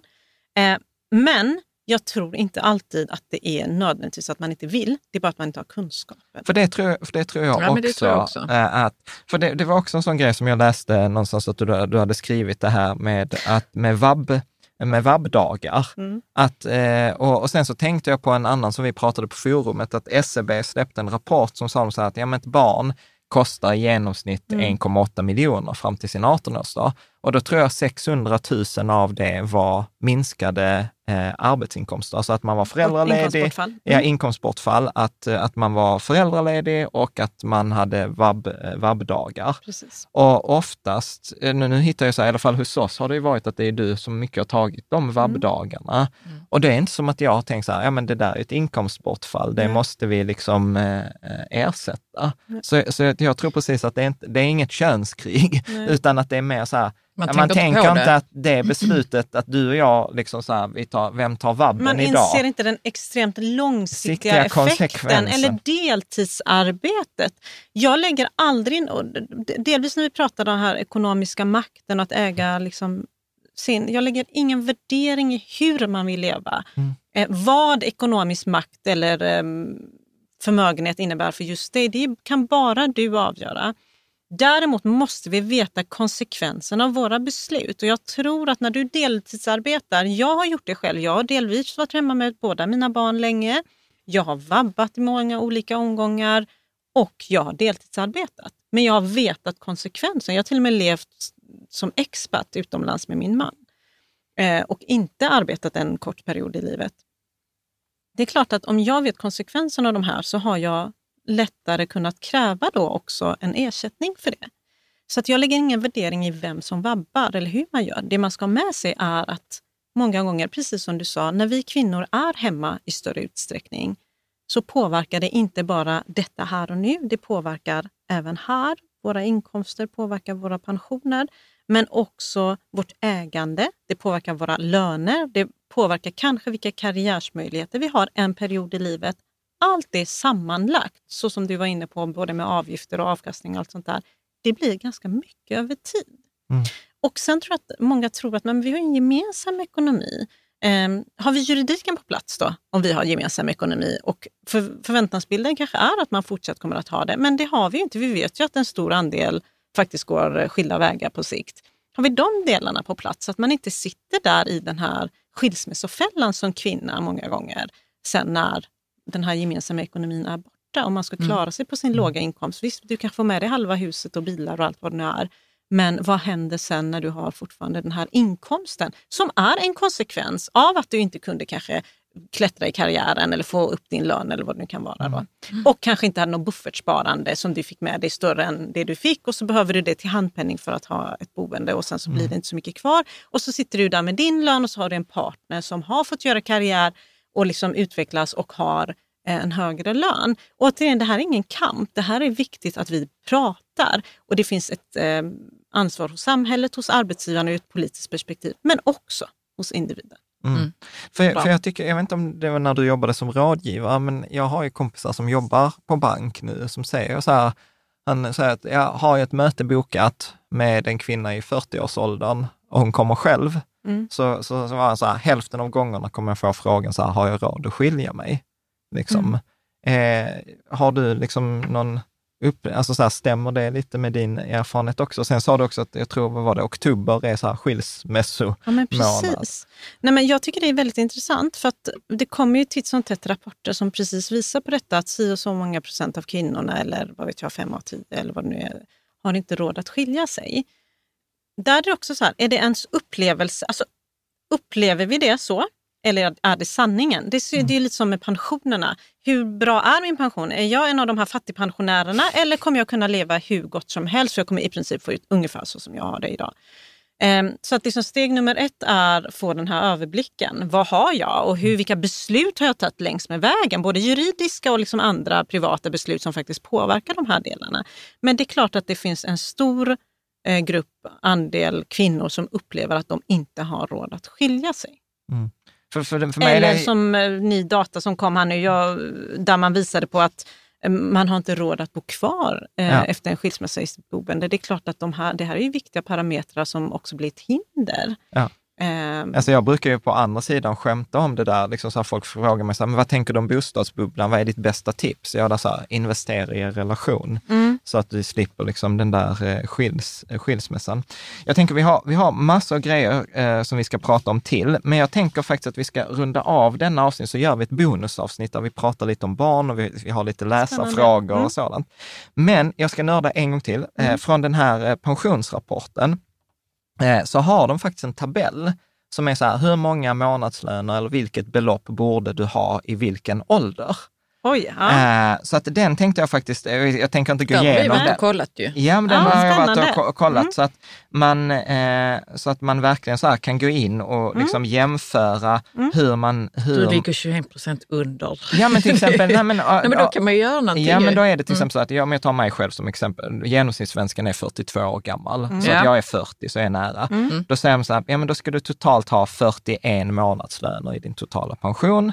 Och då säger de, då är det 30 månadslöner i inkomstpensionen, 5 i premiepensionen och 6 i tjänstepensionen. Mm. Och sen har de en sån tabell från 25 till 65 års ålder. Så, att, så det kan vara en ganska kul grej. Men jag tänkte att, eh, alltså att avsluta, så att om man till tittar på den här tabellen och man inser så här, shit, jag ligger efter. Mm. Vad skulle du säga liksom som de viktigaste punkterna att, att titta på?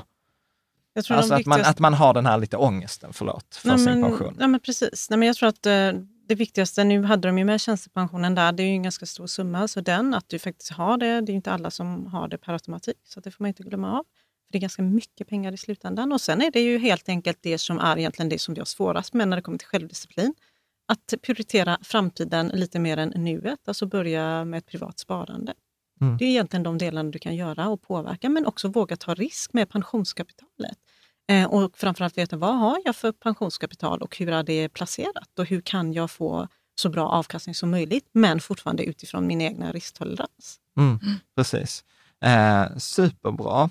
Eh, och jag tänkte, för det är roligt för att du, du återkommer till det, det där att tjänstepensionen är så, så viktig. Och det kan man också, om vi tar från tabellen, så säger man också vid 65 års ålder, ja då står ju tjänstepensionen för över en tredjedel av ja, den precis. slutgiltiga pensionen. Och den är som sagt, den blir allt viktigare och är allt viktigare för de med eh, högre inkomster. Och det, jag säger inte det bara för att jag... Det är klart att det ligger mig varmt om hjärtat med tanke på att jag arbetar med de här delarna dagligen. Mm. Eh, men det är ju en viktig del av den totala pensionen. Jag tror att de flesta känner igen det här orangea kuvertet som kommer hem.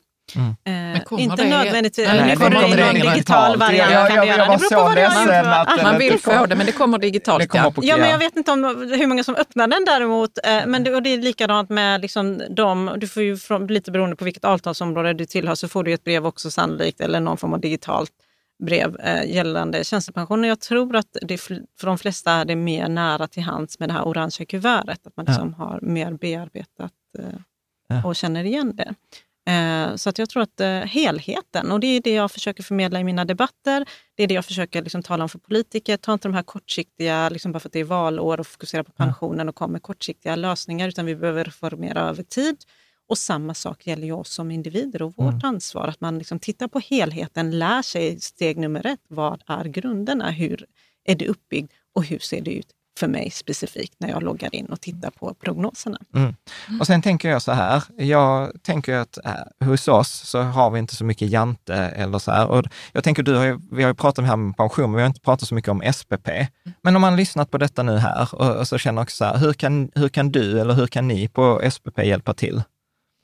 Det är klart att vi jobbar ju framförallt med tjänstepensioner och har ju en stor kunskap inom området Eh, och kan hjälpa till. Och då skulle jag faktiskt till de flesta som har lyssnat här idag liksom känna att men nu är det läge att ta tag i pensionen. Så pratar ju vi om det här med flytträtten, alltså möjligheten faktiskt att ta hem en informationsfullmakt. Vad har jag? Vad finns min pension?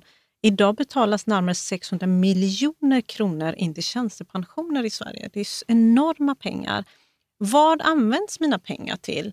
Sparar jag hållbart? Hur ligger, liksom mina, ligger mina investeringar i linje med det jag vill påverka och leva utifrån säg, de miljöfrågor eller det etiska som jag står bakom idag? Där är också en viktig parameter. Tittar man hos oss så är ju våra egna fonder fossilfria. Eh, och vi vet ju idag också att det finns en stor kraft i faktiskt att aktivt investera i bolag som har en strävan över, efter de här klimatmålen som vi har. Och då är avkastning egentligen inte längre en fråga. Alltså, tidigare har man ju någonstans trott att det är Väljer man hållbara investeringar så måste man ge avkall på avkastning och så är det inte utan snarare tvärtom att du minskar ju vissa risker genom att investera på det sättet. Mm. Mm. Till och med. Ja. Till och med, mm. men jag tror också att eh, vi pratade tror jag, inledningsvis om det här vikten med rådgivning för att kunna ha någon att bolla med och aktivt kunna eh, välja bra alternativ som faktiskt är anpassat till en själv. Och då är det faktiskt ett bra sätt att ta kontakt med oss, för där har ju vi eh, experter som sitter dagligen med de här frågorna. Men sen tror jag också att inte glömma av att prata om familjeskydd och återbetalningsskydd och de här delarna är en viktig, viktig del som man faktiskt kan få stöd i. Jag vet inte riktigt vad det är med familjeskydd och Nej. återbetalningsskydd. Men när vi har våra pensioner så behöver vi också veta vad som händer med vårt kapital den dagen vi inte finns till. Mm. Eh, och, alltså vid bortfall och bortgång. Eh, och där är det faktiskt så här att lite beroende på vilka avtalsområden vi tillhör så kan det redan vara förvalt eller inte förvalt vem som får våra pengar. Och Det måste man anpassa och ändra under livets gång beroende på om man är ensamstående eller om man har familj. Ja. Så att din, dina nära och kära faktiskt får dina pengar om du dör innan pensionskapitalet slut. Om man inte enkelt. har något val där, kan, man, kan det vara så att det inte är ikryssat någonting? Förstår du vad jag menar? Mm. Så att man inte har, något, har gjort något val? Ja, men precis. Oftast när du inte har gjort något val så har du indirekt gjort ett val. Det är där mm. problematiken kommer in. Så där behöver man ju också återigen Många gånger så glömmer man ju av att man bara tittar på blanketten och har inte så bra koll. Så där är det extremt viktigt att vill man skydda sin familj så behöver man ha koll på det. Sen så tror jag också i dagens samhälle där vi både ur ett arbetsgivarperspektiv, som är egentligen arbetsgivarna är ju de som är våra kunder främst, så handlar det också om att hitta de här digitala lösningarna, alltså förenkla. Du och jag var inne på just att pensionen blir så komplex och du, ja, men då får man ju underlätta. Yeah. Eh, och det, det har ju vi gjort. Vi är ett pensionsbolag som har jobbat med de här frågorna i jättemånga år. Och där har vi ju försökt att underlätta med olika typer av digitala eh, system som underlättar delvis ur arbetsgivarperspektivet så att det blir rätt inbetalningar, så att administrationen blir förenklad. Men också ur individens perspektiv där du hela tiden får stöd i det som vi pratar om just med risk. Vad är min egna risktolerans? Hur gör vi? Eh, och hur ska jag tänka när jag tar risk? Och som sagt, det här med hela vår liksom, eh, fondtorg, eller där du kan välja fonderna, där du vet att om jag väljer våra egna fonder så är de fossilfria. Det är liksom inte en hylla där du får leta själv, utan mm. hela utbudet är fossilfritt. Mm. Mm. Jag tänkte faktiskt, jag, jag, jag, avbryter där, för att jag tänker att vi ska runda av och det där kommer vi prata om. Vi har ett, eh, vi hade egentligen bara tänkt göra ett avsnitt, men vi har så mycket kvar att prata ja, om så att vi, har, vi kommer lägga ett bonusavsnitt mm. där vi kommer ta lite läsarfrågor, vi kommer mm, ta lite spännande. om eh, de hållbara fonderna. Mm. Men vi brukar, jag brukar alltid ha en, två frågor som vi brukar alltid ställa till alla gästerna. Och, och det ena är så här, vad är det sämsta rådet du brukar höra inom finans eller har hört inom finans? Oj, bara välja ett. ja, precis. Det är roligt, vi har fått alla möjliga svar på den eh, frågan. Har du något så här, du tänker så här, nej, det där, nej. Det, det där har... håller jag aldrig med om. Eller det har jag sett i sociala medier, det där hade jag inte gjort. Oj, nej men om vi pratar just det, då är det att spekulera med pengar man inte har råd att förlora. Alltså hoppa på sånt som lovar. Är det för bra för att vara sant så är det oftast för bra för att vara sant. Ja, mm. ja. Sista frågan som jag brukar ställa är så här, eh, har du något boktips? Behöver inte vara inom finans eller ekonomi. Har du något som du gillar? Nej, men någon, eh, någon mittemellan-ting då. Eh, ja. boken Nudge. Ja. Eh, där nuddar du ju både lite de ekonomiska termerna men också lite mer de mjuka värdena och det som egentligen jag pratar väldigt gärna om, beteendeekonomi och nudging. Ja. När man knuffar jag faktiskt, där, folk i en riktning. Liksom. Mm. åt rätt riktning ja. utifrån mm. det vi många gånger vill men inte riktigt lyckas med hela vägen själva. Ja, mm. precis. Nej, jag brukar tänka så här, så här, så här stora resultat om man bara har en ifylld ruta eller liksom vad är standardalternativen? Och ja, men liksom... precis. Och det var ju det vi var inne på lite tidigare, att men vad händer om jag inte har valt till exempel återbetalningsskydd på min tjänstepension eller mm. inte? Det beror på. Ibland är det förkryssat ja. Eh, och då blir det så. Det är lite som hur du väljer dina fonder i PPM. Ja. Eh, om du inte väljer någonting så är det någon annan som har valt någonting. Ja. Eller är det förkryssat så är sannolikheten större att vi bara låter det vara istället för att kryssa oss ur än kryssar ja. i någonting. Det måste, tänker jag, det måste vara Sveriges mest framgångsrika nudging med Sjunde AP-fonden. Alltså här, typ världens bästa fond. Eh, liksom, I det där att man faktiskt har hjälpt de flesta som inte har gjort något val att få typ bland det bästa. Bra val, ja. mm. Jag tänker ja. så här, Stort tack, tack. Eh, för att du ville hänga med oss, eh, prata, om, eh, prata om ekonomi, prata om pension, prata om så här lite jobbiga insikter här kring att det var så stor skillnad på, på män och kvinnors sparande och förmögenhet.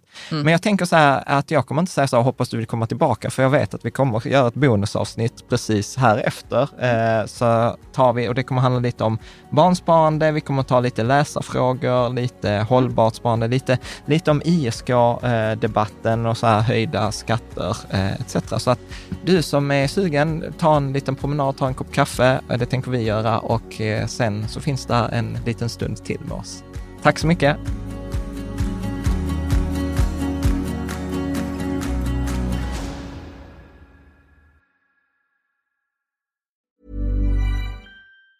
Ever catch yourself eating the same flavorless dinner three days in a row? Dreaming of something better? Well, HelloFresh is your guilt-free dream come true, baby. It's me, Gigi Palmer. Let's wake up those taste buds with hot, juicy pecan-crusted chicken or garlic butter shrimp scampi. Mm. Hello Fresh. Stop dreaming of all the delicious possibilities and dig in at HelloFresh.com. Let's get this dinner party started.